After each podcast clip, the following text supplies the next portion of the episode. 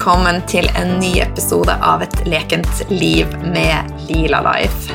Podkasten med alle de gode og hjertevarme tipsene for ei leken og balansert helse. I dagens episode har jeg med meg hun Marit som driver angsthumor på Instagram. Eh, jeg har jo delt en del eh, gjennom episodene at jeg også har slitt med angst. Og jeg var veldig, veldig nysgjerrig på eh, kontoen til hun, eh, Marit. Og etter hvert så kom vi eh, i prat, og jeg skjønte at vi to hadde mye å snakke om.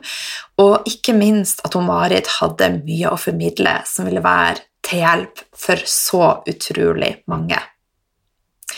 Angst er en usynlig sykdom som verken kan ses eller måles. Og gjennom mange år så har det vært relativt skambelagt å slite med psykiske lidelser. Heldigvis så har dette snudd, og det er en helt annen aksept og forståelse i dag for psykiske lidelser. Og en av de tingene som vi kommer til å prate om i dag, er sammenhengen som vi aldri kommer bort ifra. Alt henger sammen. Se litt på årsak. Hva er årsak til angst? Er selvfølgelig veldig sammensatt, men er det noe vi sjøl kan gjøre? Så gleder jeg til en inspirerende eh, prat med hun Marit. Eh, den ble utrolig, utrolig fin, eh, samtalen.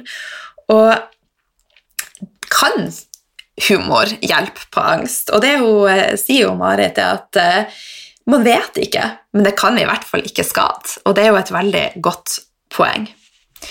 Før vi hopper inn i eh, dagens episode, så vil jeg bare si til deg at husk at med alle endringer så vil det først virke rett og slett eh, umulig. Og så kan det virke vanskelig. Og så plutselig så blir det en del av normaliteten. Og når du kjenner at dette har integrert seg, disse endringene, så kan du ikke tenke deg å ha det på en annen måte. Det syns jeg er så fint å tenke på. Eh, og en annen ting Vi vil jo fortalt at vi skal være happy-go-lucky og fake it until you make it. Husk at livet har et register av følelser å by på. Det er ikke meninga at vi skal være glad hele tida eller lykkelig hele tida. Det svinger. Og jeg er veldig, veldig, veldig tilhenger av eh, det å jobbe med underbevisstheten vår, fortelle oss sjøl positive affirmasjoner eh, på vår egen verdi, hva vi kan få til, rett og slett drøm det vi ønsker å oppnå. Dette er så utrolig spennende. Men vi skal ikke fake it. Vi skal ikke lure underbevisstheten vår. Vi skal leve oss inn i det som vi har lyst til skal skje. Vi skal heller fate it until you make it. Skjønner du forskjellen? Så det er blitt mitt nye motto her. Legg bort 'fake it until you make it'. Fate it until you make it. Ok? og så blir jeg utrolig, utrolig glad om eh, du tar deg tid til å legge igjen en eh, kommentar via iTunes eller appen Podkast. Eh, det gjør rett og slett eh, at du er med og bidrar til å hjelpe andre. For at eh, innholdet eksempelvis i denne episoden Jeg vet at det kommer til å være ei ja, rett og slett en hjelpende hånd til veldig mange. En varm klem. Det er masse, masse gode tips som Marit deler, som hun har erfart, hvordan hun har jobba seg skritt for skritt opp og ut og er blitt veldig, veldig, veldig mye bedre. Så det er alltid mulig å snu en vanskelig situasjon. Og husk også at eh, du alltid kan finne et blogginnlegg som er knytta opp til dagens episode, og der eh, jeg deler bøkene som vi omtalte, eventuelle linker. Eh, så det kan være lurt å få med seg, og det finner du på lilalife.no, og da podkaster. Så da er det bare å eh, glede deg til en uh, veldig veldig inspirerende prat med Marit. Og jeg ønsker deg ei utrolig fin uke. Lag deg ei fin uke. Hjertelig velkommen, Marit, til podkasten. Så hyggelig å ha deg med. Tusen takk. Det er veldig hyggelig å bli spurt om å bli med. du, eh, hvordan starta du dagen din i dag? Eh, den eh, starta jeg på vanligvis vanlig vis med fullt kaos. Å få ungene på skolen og opp, opp av senga og på skolen. Eh? Og så um, blir det litt roligere etterpå, når jeg, etter jeg har fulgt dem opp på skolen. Så, så spiser jeg frokosten min, drikker kaffen min, tar det litt med ro. Ja. Hva er en typisk frokost? Du, glad du spør, for det her er rett i de gater. Jeg er så stolt av den frokosten min. Jeg har samme hver, hver dag. Det er altså havregrøt som jeg lager kvelden før og, eh, og med sånn eh, eplesidereddik oppi, og um, så står den og godgjør seg til dagen etter. Og så, ja. og så bruker jeg litt, eh, litt, smør og banan oppi. Mm. Og, og, og, og Ceylon-kanel. For det, det, her, vet du, det er jo bare sånn Det er sånn oppskrift rett etter eh, boka. Ja. Det er sikkert noen som lurer hva i helvete gjør en eh, dråpe eddik i denne eh, havregrynsgrøten, jeg regner med det for at du vil ha den for å bryte ned antinæringsstoffer? Ja, ja. Det, det, stemmer. Ja. Så jeg, og, og, eh, Marit hun har hengt med i timene. jeg har det. Jeg har jo fulgt med. Og eh, den er jo fermentert, så da får jeg gode bakterier i magen. Ja, så bra. jeg, har ikke, jeg, jeg, har ikke spist frokost ennå, så det blir etterpå. Ja. Oi, ja, ok. Jeg er litt uh, treg på den fronten. Men du, eh, mitt neste spørsmål, for jeg bruker jo å lage et sånn lite manus eh, Stort sett. Og så er jeg også veldig fan av å ta ting på sparken. Så mitt neste spørsmål var eh, at vi har lyst til å bli bedre kjent med deg og fortelle oss litt mer om de reiser. Og så, Du har jo kontoen på Instagram som heter Angsthumor. Og eh, jeg følger jo med der, og så kommer jeg over. Når noen ber meg fortelle litt om meg selv, blir jeg alltid veldig usikker. Er de ute etter traumene mine eller favorittfargen, liksom? Og da tenkte jeg Nå hadde Marit akkurat lest spørsmålene mine. Jeg tenkte at det her, det her innlegget, det var til meg. Så jeg tenkte at ok, jeg må spisse spørsmålene mine, så jeg har virkelig Nei da. Eh, men da kan du jo fortelle oss litt mer om de angsthistorier og de angstreiser, og så kan vi få høre favorittfargene etterpå. ja, ikke sant. Um, ja, jeg har nok uh, mer å komme med på angstfronten enn på favorittfargefronten, tror jeg. Uh, men um, jo, nei, jeg har um, Jeg har nok uh, hatt angst siden barndommen, egentlig. men Eh, men jeg oppdaga det jo ikke før i, i voksen alder, da, før jeg starta i, i, terapi til psykolog. Mm. Um, og det var jo i forbindelse med at eh, jeg ble eh, utbrent. Ja. Uh, skikkelig, skikkelig utbrent uh, i 2014. Um, og da um, For da uh, eskalerte det på en måte så mye at jeg skjønte at nå det her er ikke innenfor normalen. Det her, her eh, trenger jeg hjelp til. Mm. Så, um, så da, da, begynte jeg å, å, gå til psykolog da, jevnlig.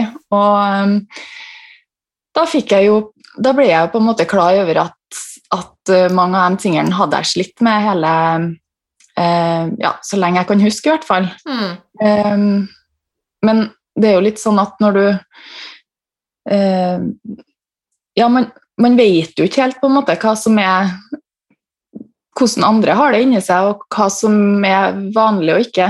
Nei. Så eh, man har ikke så mye sammenligningsgrunnlag, gjerne. Så da så var jeg rett og slett ikke klar over det. Mm. Nei, vi er veldig flinke å, å tøye denne strikken for oss sjøl. Men klarer du å beskrive litt hvordan du hadde det inni deg? Eh, på det tidspunktet mm. um, Ja, da var jeg da, had, da, fikk jeg også en sånn eh, ganske sånn tung depresjon. Så da var det ganske mørkt eh, en eh, periode.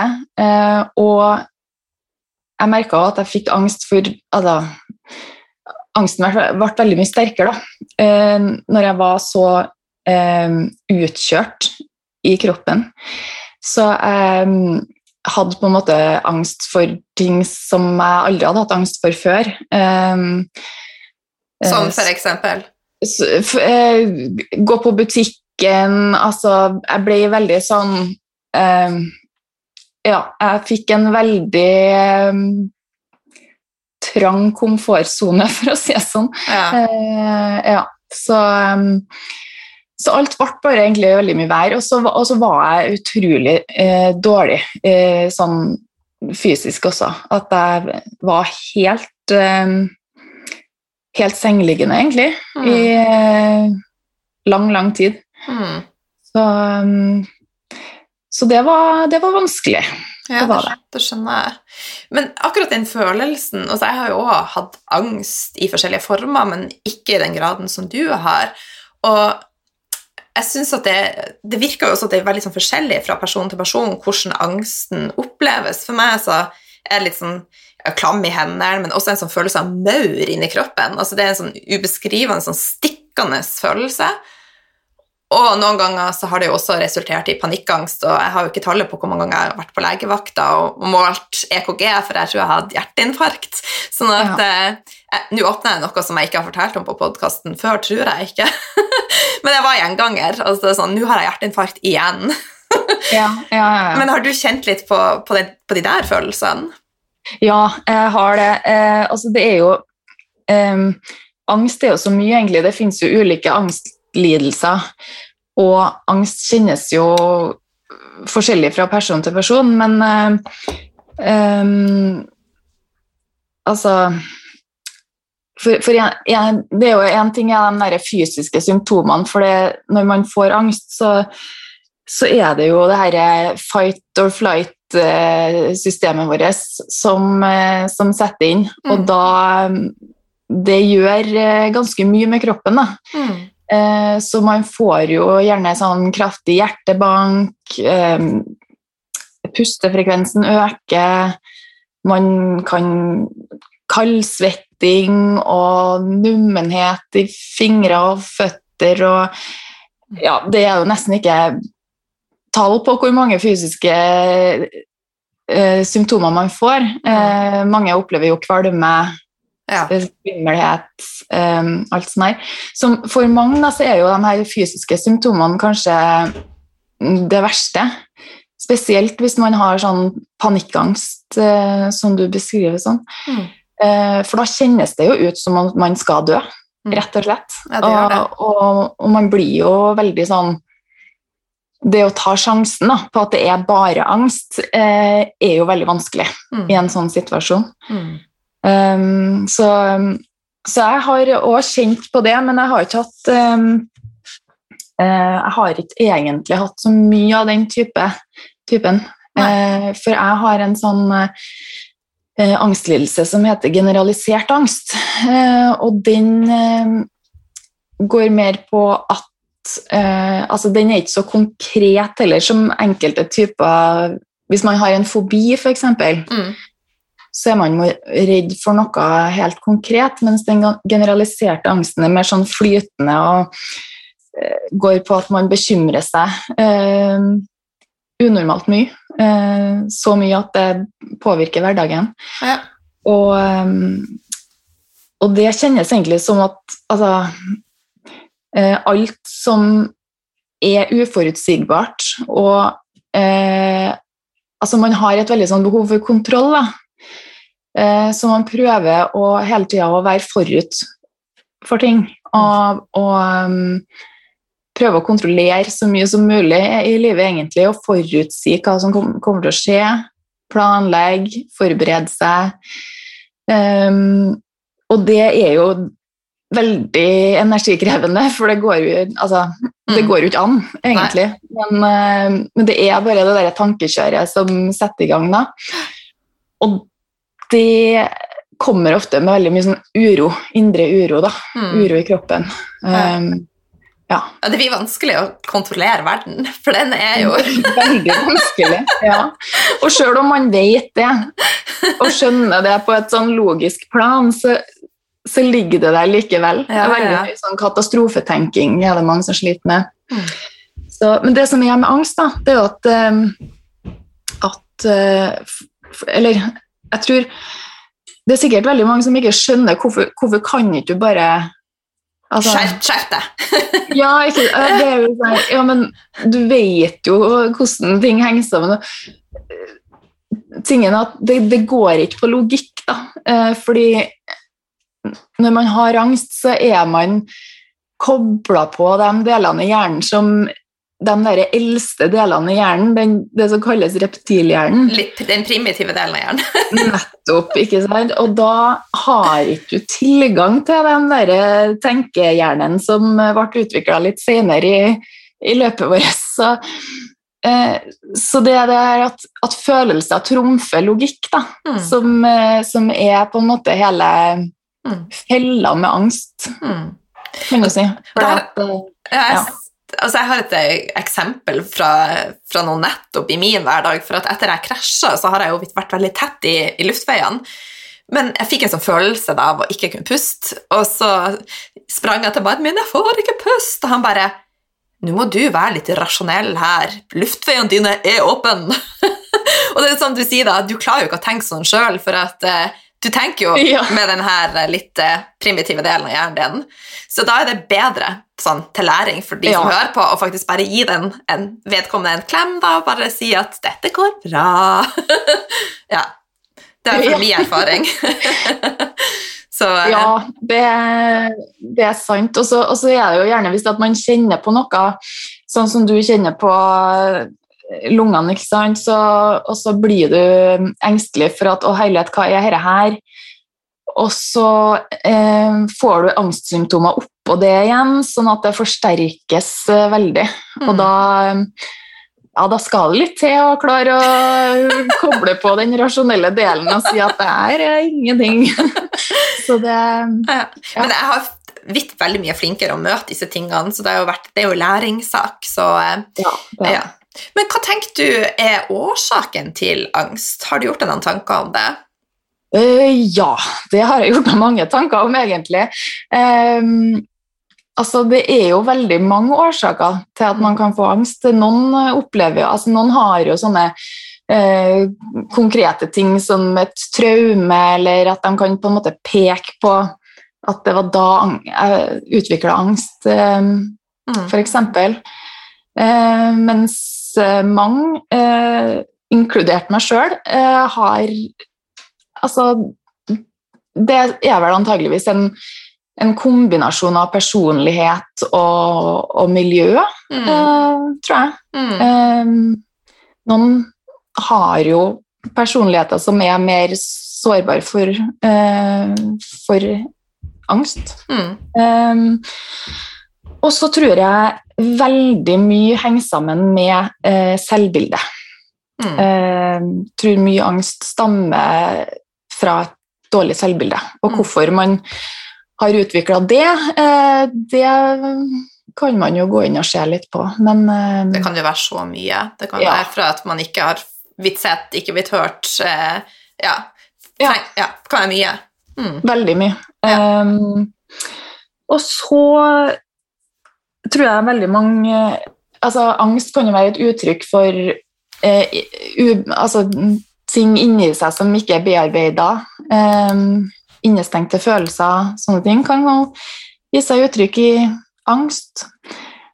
Og så stress. Det er jo et av mine favorittema. Eh, stressutløst angst er veldig vanlig, og i hvert fall nå i, i vårt samfunn. Um, Mm. For stress og angst er jo egentlig samme eh, mekanismen eh, i kroppen. Og så hvis du har et høyt stressnivå, så skal det litt mindre til for at, angsten trigges. Da. Mm. Um, og så eh, har jeg litt lyst til å um, nevne at også sånne ubalanser i kroppen kan føre til angst og, og eller symptomer som minner veldig om angst. Mm. Uh, og det er jo du veldig mye inn på i, i denne podkasten og, og, generelt i alt du gjør, egentlig, at det, uh, det her med hormonbalanse, tarmhelse, mm. sånne ting, uh, tror jeg og er veldig ja, for Før, før så, så, trodde man jo på en måte at, at, at det var psyken som gjorde at man hadde problemer med magen, f.eks. Nå vet man jo at det er vel så mye motsatt. Mm. Så ja. ja. Altså serotoninreseptorene, eller 80% av serotonin produseres i tarmen vår, og serotonin er jo med å ja, rett og slett gjøre hvordan vi har det. Ja. Så har vi ikke nok serotonin, så er vi jo mer utsatt for både det ene og det andre. Så ja, det er så viktig at, eh, at, du, at du nevner dette. Så, men de her punktene som du eh, nå har ramsa opp, er det ting som du jobber bevisst med sjøl I hverdagen ja. din? Ja, ja, ja, ja absolutt. Eh, jeg har eh, gjort ganske Altså, jeg tror, eh, jeg tror, det er viktig eh, når man i hvert fall når man har, har, gått med noe over så lang tid, da, når man har vært syk over lang tid, Eh, for jeg har jo ikke på en måte bare altså Ikke bare, men altså bare i gåsehudene hatt angst. Men jeg har jo den utmattelsen, kronisk utmattelse, som jeg har måttet ta hensyn til. Mm. Og jeg tror eh, det gjør noe med kroppen å være syk over så lang tid. Mm. Og eh, da tror jeg det er viktig å tenke litt helhetlig. så jeg har jeg har prøvd å jobbe på litt mange områder i livet, egentlig. Både med, med kosthold og um, avspenning, altså um, senke stressnivået. Mm. Um, jeg har egentlig prøvd å ha fokus på å senke stressnivået på alle områdene i livet mitt, for jeg har, et ganske, jeg har en ganske bred oppfatning eller definisjon av stress. Da. Uh, sånn at eksempel uh, så har jeg tatt grep for å begrense giftstoffer i kroppen min. Jeg, altså bytta ut en god del sånn hygieneprodukter og um, ja, prøve, prøve, å spise økologisk. Altså um, litt sånne ting. I tillegg til eh, kosthold så har jeg, eh, så har jeg prøvd å legge opp til et kosthold som gir et mer stabilt blodsukker. Det mm. har jeg merka utrolig forskjell på, faktisk. Ja, det, det, gjorde jeg også. Jeg var jo sukkeravhengig før, og det var ikke så veldig bra for verken det ene eller det andre. Nei, nei. Så, og, så selvfølgelig så har jeg jo jobba med, eh, med, angsten. I, altså, det er jo det jeg har jobba mest med, selvfølgelig, i, i, terapi med psykolog. Og jeg har mm gått til psykomotorisk fysioterapeut òg, Eh, men uh, um, jeg, bare, jeg, bare, tenker at det, det, gjelder å på en måte legge forholdene til rette da, for at mm. man uh, skal kunne nyttiggjøre seg den terapien på best mulig måte òg. Så da tror jeg det er viktig å, å tenke litt helhetlig. Mm. Hvordan er en typisk dag i livet ditt nå, da? Uh, ja, altså Jeg er jo uh, eh, 70 ufør. Mm. så dagene mine er egentlig ganske rolig, og det trenger jeg at de er òg, for jeg blir veldig Jeg tåler veldig lite stress. Mm. Jeg er ganske, ganske, sensitiv for det, egentlig. så og, og jeg, må, jeg er fortsatt ganske redusert kapasitet, så jeg må prioritere litt. Mm. Uh, så da er det egentlig um, ungene mine som jeg prioriterer eh, først og fremst. Og så er jeg avhengig av å gjøre de tingene som jeg vet bidrar i positiv retning for meg. Mm. Så, så jeg, jeg gjør mye yoga, går på tur. eh, ja, litt sånne ting for å uh, For å ja, jobbe, jobbe meg framover. Så bra. Altså det som er når vi For det å ha angst og være utmatta som du har vært, det er jo en stor påkjenning for systemet. Og det påvirker jo også binyrene våre veldig mye. Og selv om jeg har vært eh, ja, relativt frisk nå de siste årene, så er jeg også, som du beskriver, veldig sensitiv. Også binyrene mine det står så lite til for, eh, for eh, at de bare skyter vær, og så får jeg ikke sove. Så, så jeg må også leve veldig, veldig rolig. Selv om det kanskje ikke ser sånn ut. så eh, ja. Jo, men jeg, jeg, kan jo stille opp på ting sånn som det her, og jeg kan eh, holdt på å si, være synlig, men, eh, men, jeg trenger ganske mye tid imellom til å mm. lade opp. Eh, og, ja, men så lenge jeg tar på en måte hensyn til det, da, og godtar det nivået jeg er på, så, så går det litt bedre enn å hele tida drive og kave og etter mm. Det man tenker man burde ha klart, osv. Og, og det er jo et kjempeviktig poeng at vi ikke driver og shamer oss sjøl i tillegg, men at vi faktisk aksepterer eh, situasjonen sånn som den er. Mm. Og, og, en annen ting som du nevnte i sted, var jo det å faktisk eh, i forhold til angst å bearbeide følelser og det tror jeg òg er så utrolig viktig, så jeg er så glad for at du nevnte det. Jeg hørte det faktisk på en, en podkast i går. Eh, det var ei som snakka om angst, da, hvor viktig akkurat det var. Så hva du gjør for å, å bearbeide emosjonelle ting og sånn, da? Har du noe spesielt? Uh, um, nei, altså det uh, Jeg har jo gått i terapi i mange år, så da har vi jo snakka om de her tingene, og, uh, og, da Jeg tror jo det er viktig å, um, å klare å, å åpne opp for å romme de følelsene, da. Mm. Uh, fordi det, det, er jo ofte at at ting virker veldig skummelt og stort, og man blir redd for for å gå inn i det. For det kan virke ganske sånn overveldende. Mm. Uh, så, det, så det er noe med å på en måte å tørre det, da. Og mm. ja, å, mm. å, stå i det, på en mm. måte. Ja. Mm. Og så er det jo, som du sier, å tørre å stå i det, og også akseptere at følelsesrepertoaret vårt er det er forskjellig, så det er ikke sånn at vi bare skal liksom jakte på den her happy-go-lucky-følelsen, men å faktisk touche innom at det er lov å være trist, det er lov å være sint, det er lov å være deppa, og da ja. ikke mm. Ja, ja, herlighet. Jeg, jeg, jeg, blir nesten jeg blir nesten provosert av all den lykken rundt omkring, for det er jo Altså Ja det er en følelse, da, som alle andre følelser. Det, det går eh, over, det svinger. Det mm. er ikke en, en tilstand man driver og, og lever i sånn eh, over tid. Så ja, jeg tror det er greit å innse at ikke alt er så fint og flott hele tida. Hmm. Du, eh, du, beskriver at du møtte relativt lite forståelse hos legen din i eh, starten, og jeg bruker å si at vi bør være sterke og friske for å takle å bli syk. Kan ikke du ja. fortelle litt om eh, det du har møtt med holdning og fordommer? Og ja, um, altså Jeg tror bare egentlig at legen min forsto ikke helt hvor syk jeg faktisk var. Fordi, mm.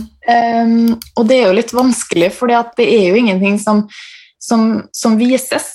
Uh, og det er ingenting som kan testes eller prøves. Uh, alle blodprøvene mine var jo selvfølgelig helt fine, og uh, da er man jo avhengig av at, av at legen og alle rundt egentlig bare tror på det du sier.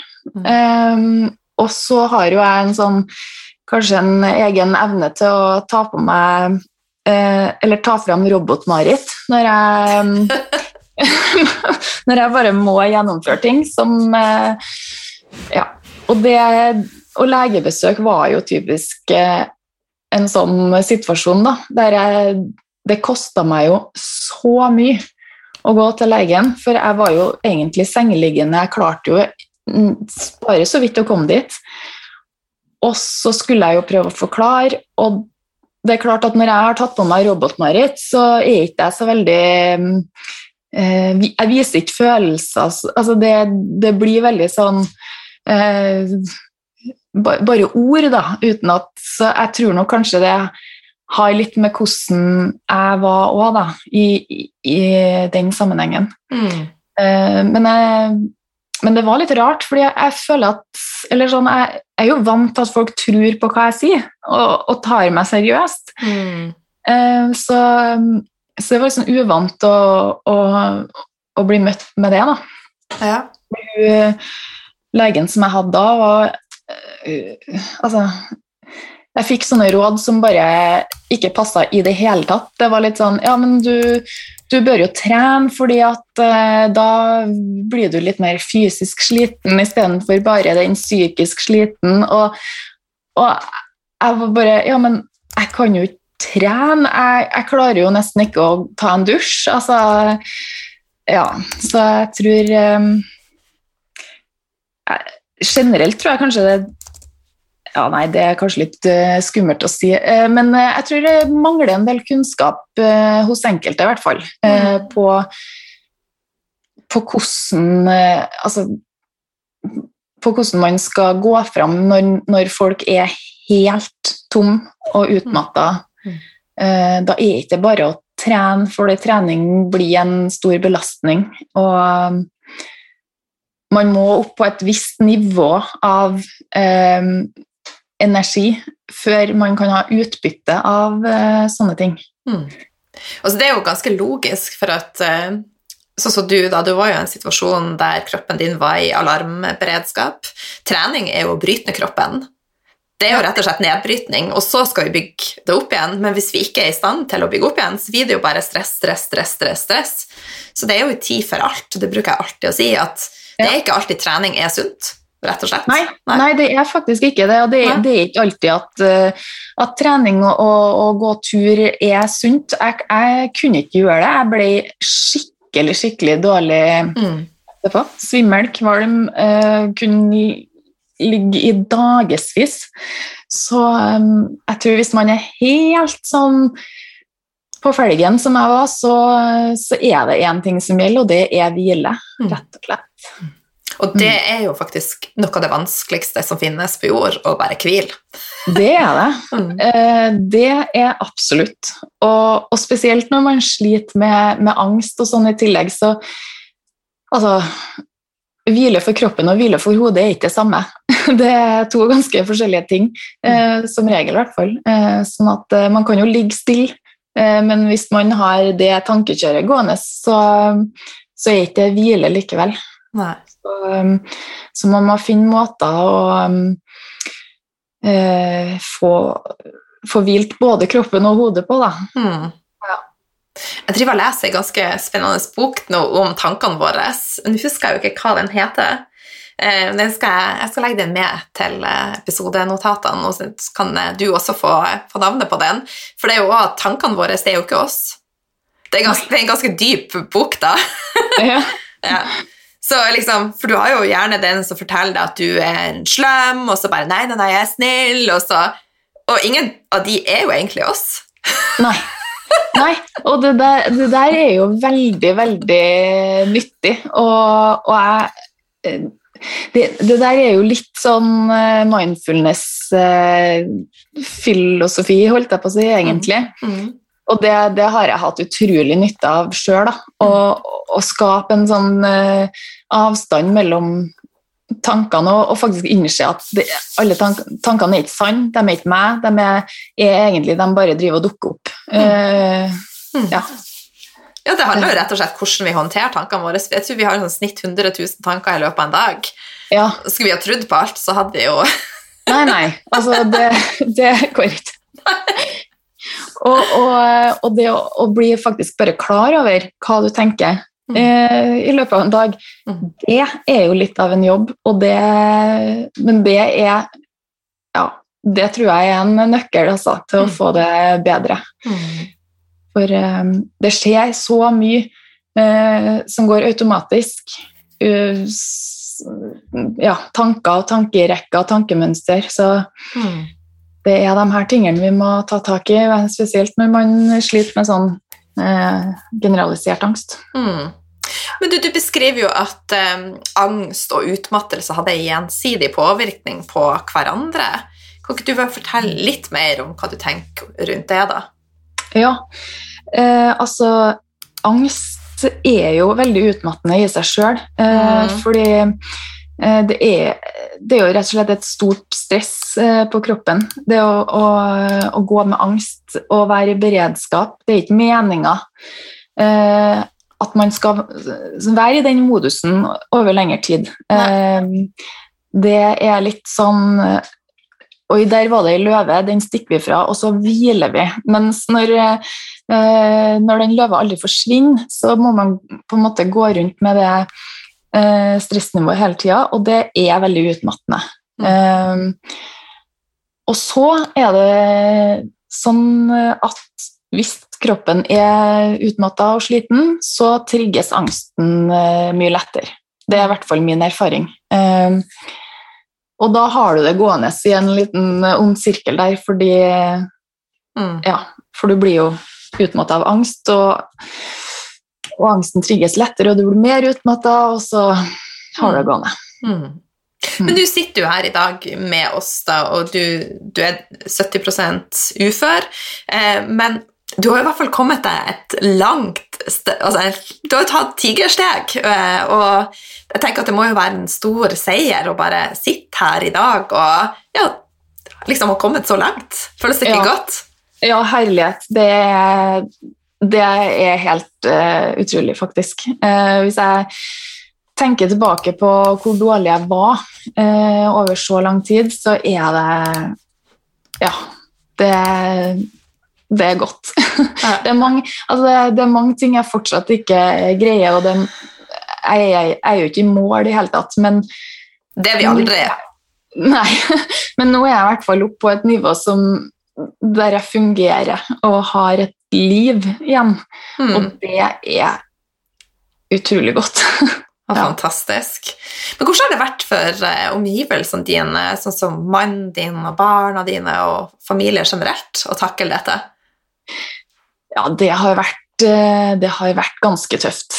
Det kan ikke vi kan ikke si noe annet enn det. Um, um, alle sammen har jo vært eh, Jeg har fått veldig mye støtte uh, og, og hjelp, og det, det setter jeg utrolig stor pris på. Uh, og, um, men det er klart det er uh, Det er jo hardt og tøft å gå gjennom så mange år, for det preger jo det preger jo alle rundt, rundt det når en er syk. Og jeg tror òg det er kanskje litt sånn eh, ekstra vanskelig med psykisk sykdom, da, fordi at eh, det endrer jo på en måte litt sånn hvordan man er, eller sånn hvordan, ja, hvordan man tenker og, Mm. og, og hva man gjør. Så det kan nok være litt eh, Det kan nok være litt krevende å skille på person og sykdom eh, enkelte ganger.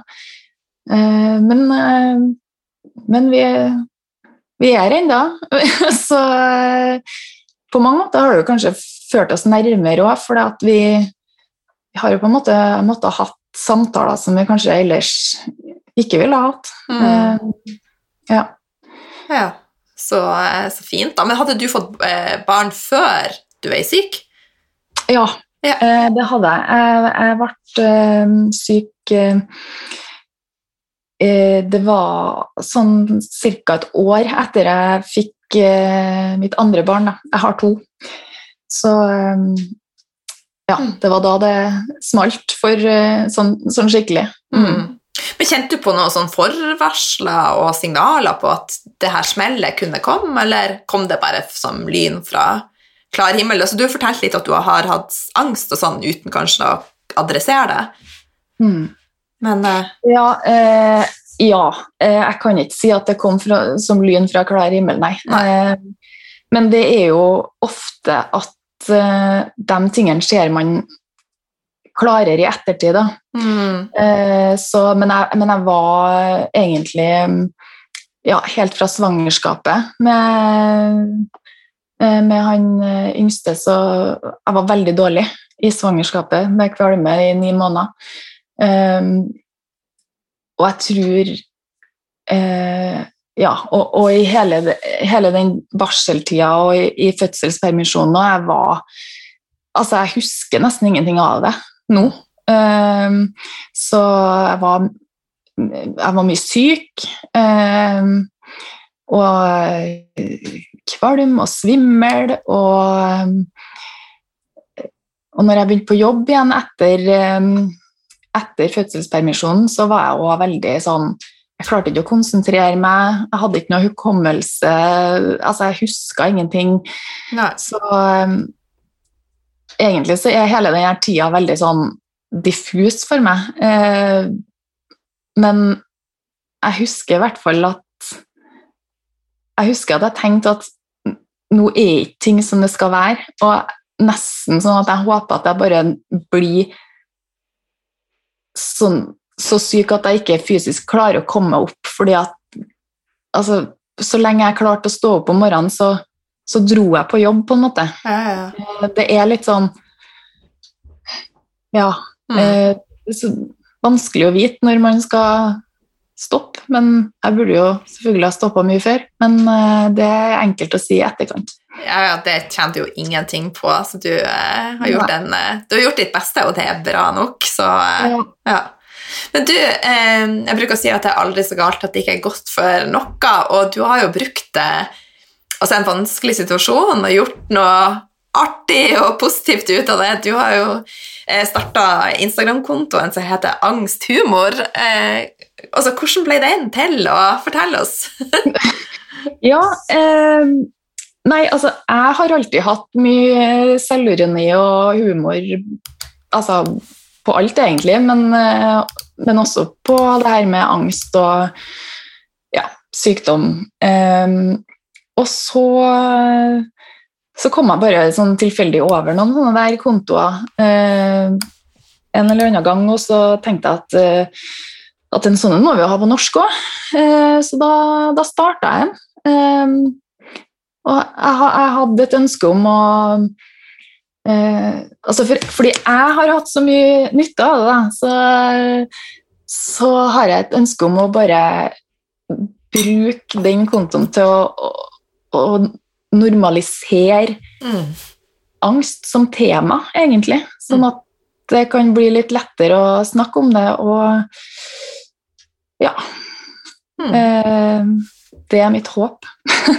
Den kontoen har jo eh, vokst veldig fort. Hvordan har det kjentes? Har det vært en stressfaktor, eller har du klart liksom å bare kose deg i prosessen? Nei, det, ha, det har jeg faktisk klart å, å kose meg med. Eh, det har vært eh, ja, bare, bare positivt. Eh, at, jeg vet ikke egentlig helt hvordan jeg klarte det, for at, egentlig så burde jeg jo hatt kjempeprestasjonsangst, men eh, Å nei, jeg håper ikke jeg så det et frø nå. da. Nei, nei, nei. Nei, men uh... Nei, det, det, det har uh, bare vært artig. Jeg tror jeg Ja. Jeg har bare ikke latt meg sjøl stresse av det, for da, da hadde jeg bare måttet slutte. For det kan ikke eh, Da kan ikke jeg holde på. Men hva, hva er målet ditt med den kontoen? Har du noe mål utenom å, å kose deg i prosessen, eller?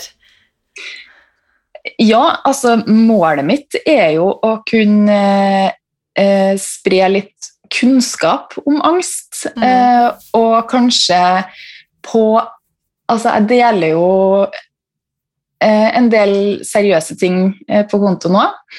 Og, eh, og både, altså både gjennom det og gjennom humoren å, spre kunnskap eh, om hvordan det er å ha angst, hvordan det er å leve med angst. Mm. Ehm, fordi altså, det er jo fortsatt eh, veldig mange som, eh, som sliter med å snakke om eh, angst og psykisk helse generelt. Og da tror jeg at eh, humor kan være et eh, veldig fint virkemiddel til å eh, gjøre det lettere å snakke om. Mm. Ja, det Altså, humor Jeg tror vi generelt flirer for, for lite og er litt for selvhøytidelig. Og jeg tar meg sjøl i det, at jeg, jeg flirer jo ikke så sinnssykt mye, så jeg må bli flinkere på det, altså. Ja. så, men hva, hva, får frem latteren og smilet hos deg? Å, herlighet. Nå Det var litt av et spørsmål. Og det var veldig spissa. ja, det var veldig spissa. Der var du god. Uh, nei, jeg liker at folk ikke tar seg sjøl så høytidelig. Jeg gjør det. Så jeg liker folk som kan tulle litt med seg sjøl og, og, ja. Mm. At, ikke, at, ikke, ting er så farlig og så nøye. Mm. Ja. ja. Mannen min han ser hele tida på dyr. Det er liksom det som får han til å bare flire. Og hunder som danser, papegøyer som Han er der, ja. Ok.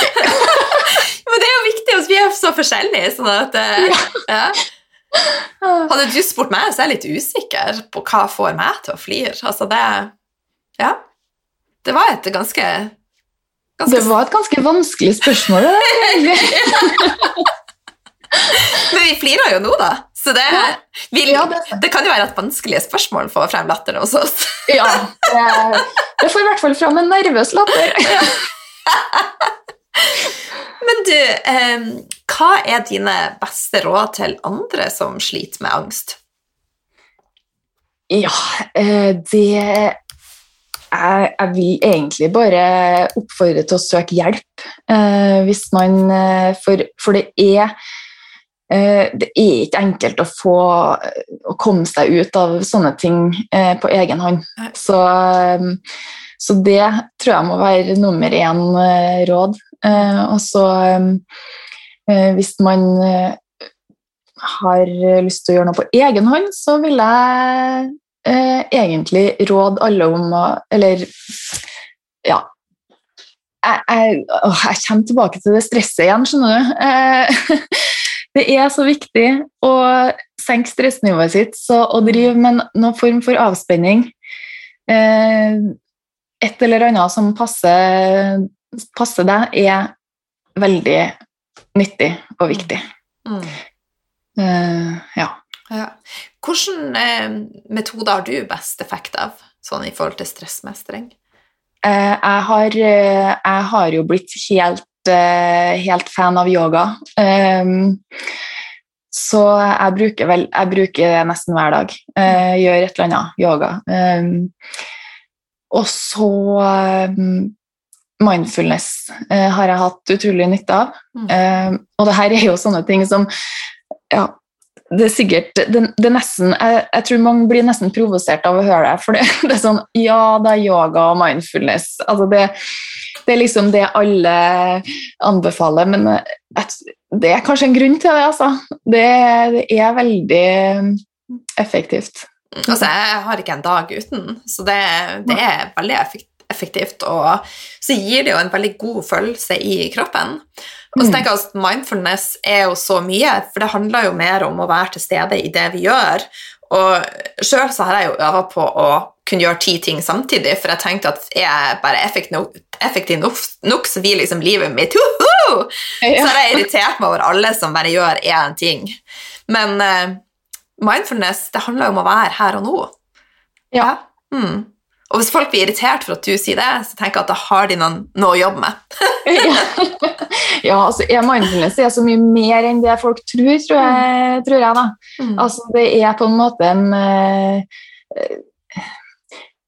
det, ja, det, jo, det, handler jo mye om aksept, og det handler mye om å, å, å, Eh, innta en sånn observerende rolle overfor tankene sine og sånne ting. Og det er jo så utrolig uh, nyttig når det kommer til angst. Uh, mm. Så for mange, mange, tror jeg tenker at mindfulness er sånn Ja, da skal du ligge og meditere og slappe av og være alternativ, liksom.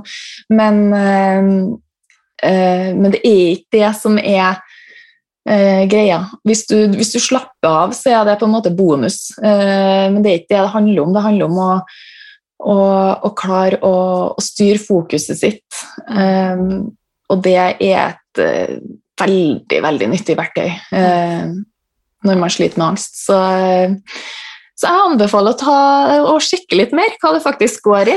Og ja. Ja, ha et gjør... åpent sinn, som man jo som også er en del av det. Ja.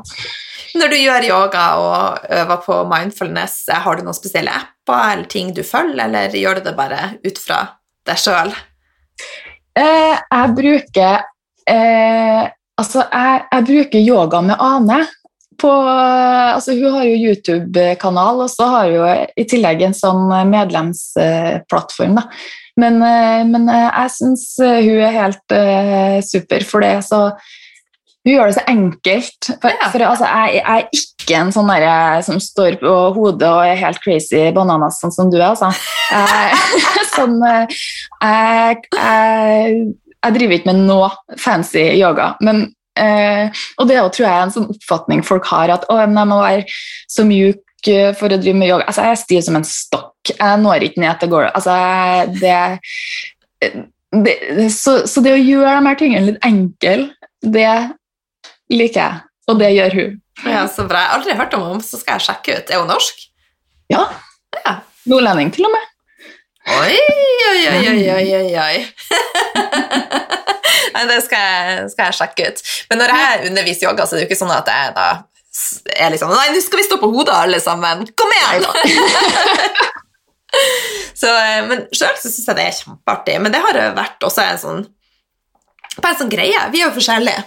Så eh, i en periode jeg hadde det veldig vanskelig, så tenkte jeg ja, skal jeg lære, lære meg å stå på hendene. Og det var liksom en distraksjon fra det som ja, var liksom det som var vanskelig. Da. Ja, ja. Altså, det er ikke noe galt med å være uh, en, en kjempeyogafrik, eller Nei, nå, vet du, nå blir alt jeg sier feil. Uh, nei, nei, nei, du har ikke sagt noe feil! det er ikke noe galt, men jeg bare, jeg bare, tenker at uh, som med alt annet, så må man ta det litt steg for steg. Sånn at ja. man, man bare starter med basicen, og så, og så jobber man seg litt uh, oppover. Så jeg tror jeg tror egentlig mange blir litt sånn overvelda av, av, ting. Ja. Av, av, endring sånn generelt. At, ja, ja, og, og, det liker jeg så godt at du har fokus på eh, at, at, man må liksom bygge seg opp da, gradvis. Man kan ikke ta alt på en gang. Jeg er liksom Vitto ernæringsterapeuten som bare prater om fokus og endring. og Jeg nevner jo knapt mat lenger. ja.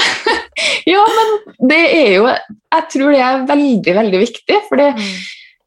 man blir jo helt sånn matt av uh, alle de her rådene og alt man skal implementere i livet sitt, eh, så ja, skrell det ned og gjør det enkelt. Det har jeg trua på. Jeg er så enig, så amen for det.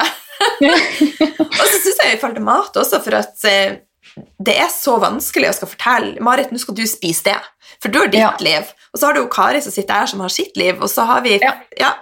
Så enkelt og greit, spis naturlig mat, og finn det som funker for deg. Ja, ja. ja helt enig. Altså, og, og det, det, er det samme egentlig når det gjelder eh, avspenning og, og, stressreduksjon. Altså, du må finne det som funker for deg. Jeg, for meg funker yoga. Det, det, funker ikke for alle, men kanskje det funker å gjøre hagearbeid eller å legge et puslespill eller eh, Eh, å ta en joggetur. Altså, det, det, mm. er så forskjellig, og vi så, har så forskjellig utgangspunkt. Ja. Så mm, ja, jeg tror eh, egentlig det viktigste er å eh, se på aksept, aksept på hvor du er hen, hvilket nivå du faktisk er på. Mm. Ikke, ikke, der du skulle ønske du var, eller der du var for eh, to år siden, men faktisk innse og akseptere hvor du er nå, da. Mm. For, det, for det aksept går ikke på at du skal altså du skal ikke bare Det er ikke det samme som å si at ja, sånn skal jeg ha det for alltid. Men for at vi skal kunne ha et riktig utgangspunkt, så er det veldig viktig å innse realitetene. Mm. Og så ta, ha det som utgangspunkt, og så bygge videre på. Mm. Så viktig. Og så er det også noe med at eh, jeg tenker at det, For meg er det i hvert fall prosessen som er målet. Så hver dag er jo en del av en prosess. Det handler om å, å nyte der du er nå, istedenfor å tenke at livet mitt starter når jeg står på hodet, eller når jeg altså Det er jo It's here and now. Ja, det, mm. det er et godt poeng, det. Mm. mm. Du, eh, I det daglige og i de reiser, er det noen som motiverer og inspirerer deg? Ja um, Det er jo et vanskelig spørsmål, altså. Uh, men uh, egentlig så blir jeg Jeg tror jeg blir inspirert av, av, all, av, alle mennesker, egentlig, på en eller annen måte. Altså Noen inspirerer meg til å bli mer som dem, og noen inspirerer meg til det motsatte. det var et, en god innfallsvinkel. Ja. Love that! Nei, jeg, jeg, blir, eh, jeg, blir, veldig inspirert av folk som ikke gir opp. Eh, det blir jeg. Og det, det, det prøver jeg på sjøl òg. Å bare, bare ikke gi opp. Prøv og feile og ja, komme seg videre. Uh, mm. mm. Jeg har blitt veldig inspirert av din podkast. Har hørt masse på den. Å, tusen takk for det. Ja, så mm, Det setter jeg pris på man Altså Ja, jeg gjør nå bare, og så glemmer man litt av at det faktisk er veldig mange som hører på. Eh, ja, så blir jo veldig glad da når eh, jeg får tilbakemeldinger sånn som det er, så tusen takk. Bare hyggelig. Skulle bare mangle. Men eh, er det noen bøker og sånn som har eh, inspirert deg, som du vil anbefale til lytterne? Ja, det er det.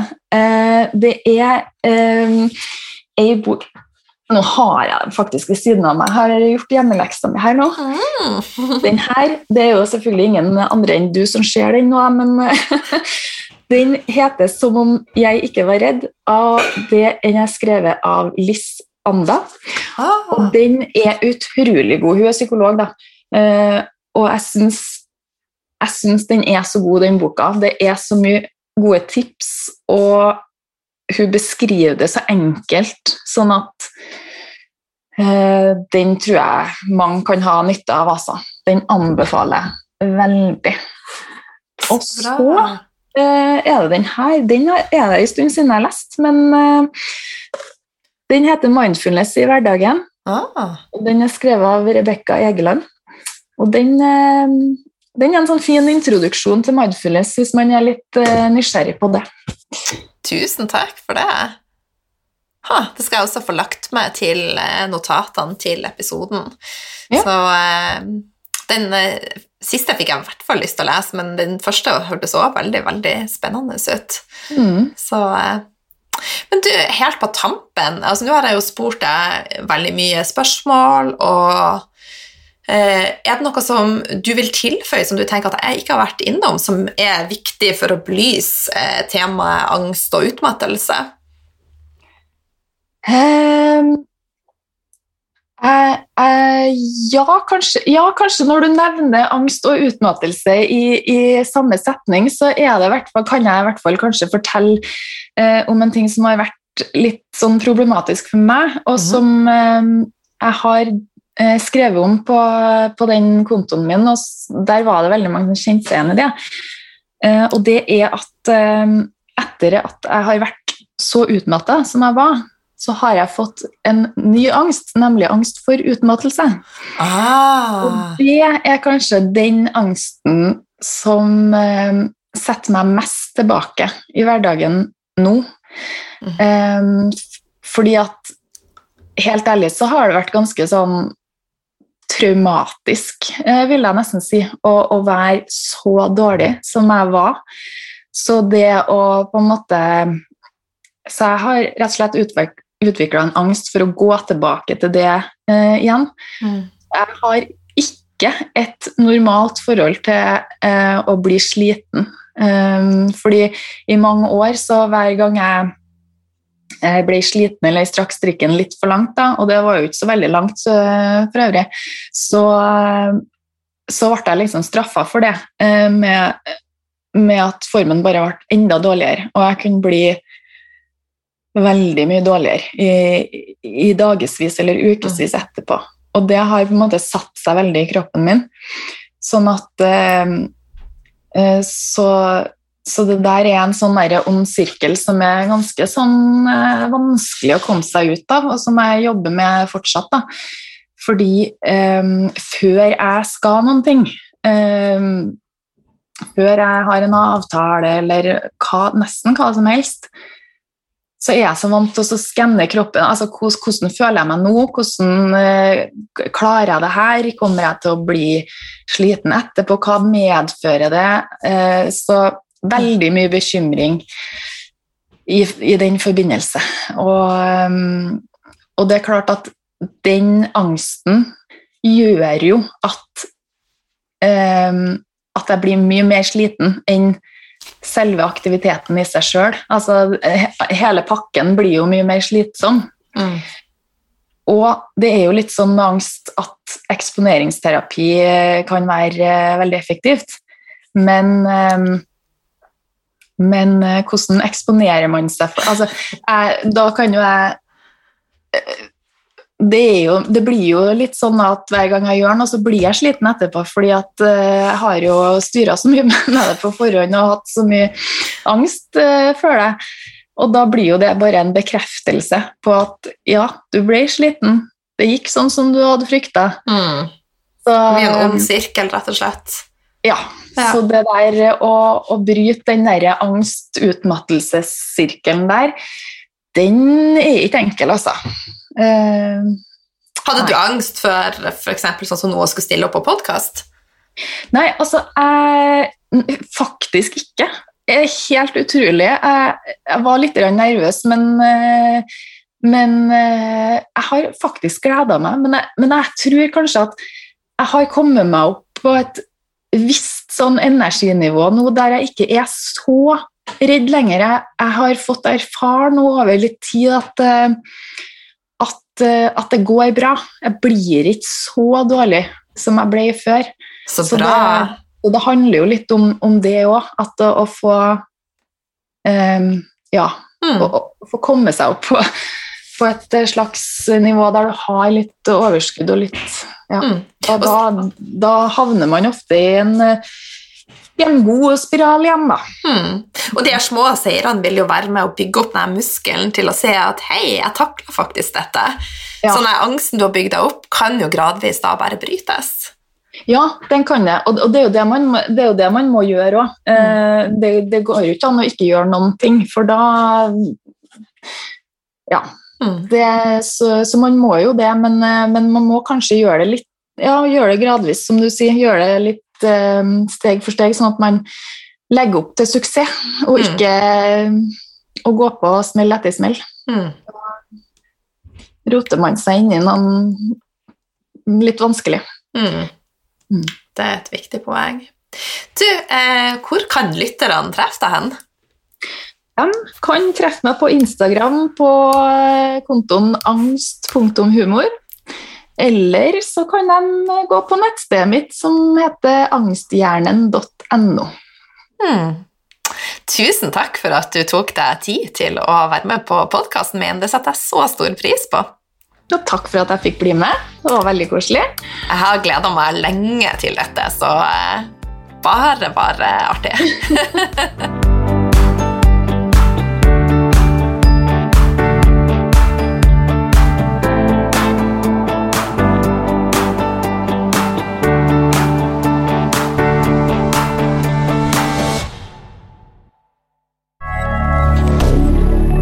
moderne media.